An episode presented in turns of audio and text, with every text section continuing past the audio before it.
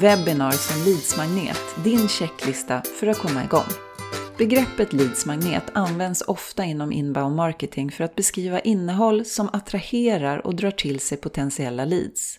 Leadsmagneten upplevs så pass värdefull att man kan tänka sig att delge kontaktinformation i utbyte mot till exempel en guide, en studie, ett quiz, en inspelning eller, som denna artikel handlar om, ett webbinar.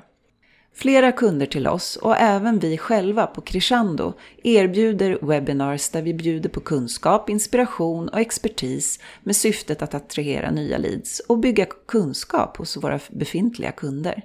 För dig som är intresserad av att komma igång med webinars kommer här min egen checklista. 1. Sätt ett tema och planera för en webbinarserie. Fundera ut ett övergripande tema där ni ser en möjlighet att utbilda och inspirera era kunder och potentiella kunder. Vilken kunskap sitter ni på internt? Och vilka andra, partners, kunder, skulle ni kunna involvera i era webinars? Vad är målet egentligen? Att inspirera, utbilda eller kanske att dema? Tänk på att du med olika typer av webinars kan attrahera i olika köpfaser. Planera gärna för en serie webinars som är länkade till varandra, vilka du också kan nyttja i din marknadsföring i olika kanaler under en längre tid. Planera dessutom redan nu för uppföljningen efter själva webbinariet. Punkt 2. Se till att ha kontroll på tekniken och testkör. Det finns flera olika plattformar som var och en har sina för och nackdelar. Välj en som ni är komfortabla med Testkör gärna med kollegor som sitter på olika platser med olika enheter. Det kan vara PC, mobil, läsplatta. Testa att ljud, bild och möjligheten att ställa frågor via chattfunktionen fungerar bra. Testa hellre en gång för mycket än en gång för lite. Jag vet av erfarenhet att oförutsedda saker kan hända när teknik och människor är involverade. När det gäller plattformen och tekniken, tänk på det här. Kör helst via kabel istället för wifi för att säkra snabb och säker uppkoppling. Erbjud möjligheten för deltagarna att ringa in på ett telefonnummer till webbinariet. Vi kör till exempel Skype for Business eller numera Teams och har köpt till en användarlicens som heter ljudkonferens eller audio conferencing som det heter på engelska i Office 365. Även GoToWebinar är ett populärt alternativ men det finns en uppsjö av olika plattformar. Se till att boka ett rum där akustiken är bra och där ni får vara i fred. Sätt upp en lapp på dörren till kollegorna där det står “Stör ej, webbinar pågår”. Köp in en USB-mikrofon för bättre ljud. Vi använder en Blue Yeti Pro-mikrofon, men det finns gott om alternativ. Ska du synas i bild är det också bra att ha en bra kamera påkopplad. Själva kör vi bara ljud och powerpoint än så länge. Punkt 3.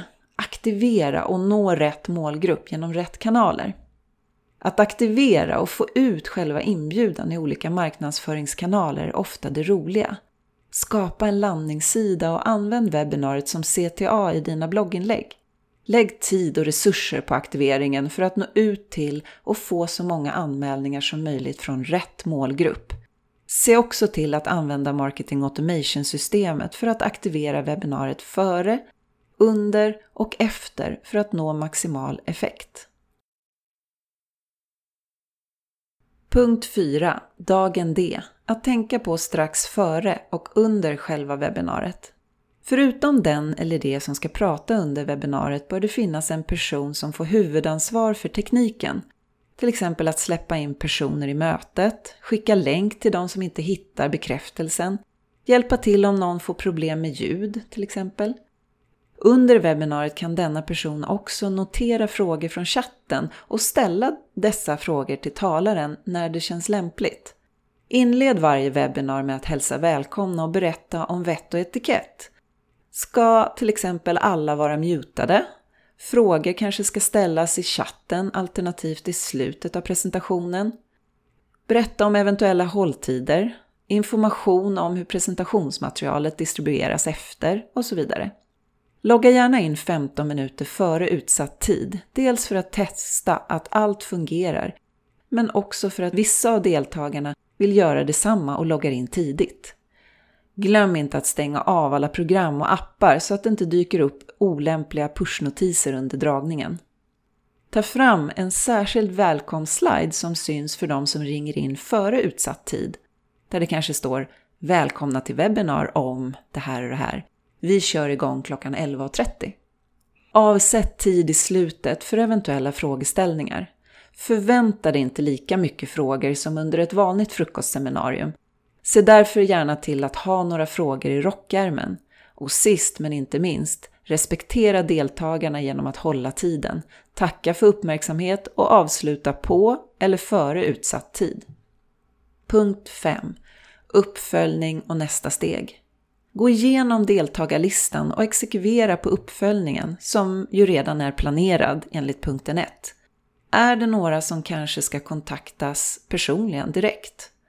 Skicka alltid ut ett tackmail och inkludera gärna länk till presentationen och även länk till inspelningen för de som vill titta igen eller kanske dela med sig till en kollega som missade.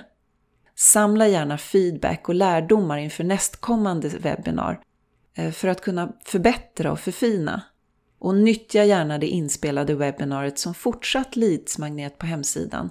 Det vill säga, webbesökare kan fylla i ett formulär och ta del av webbinariet i inspelat format.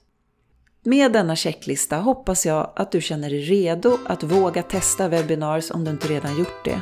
Hoppas att tipsen kommer till nytta.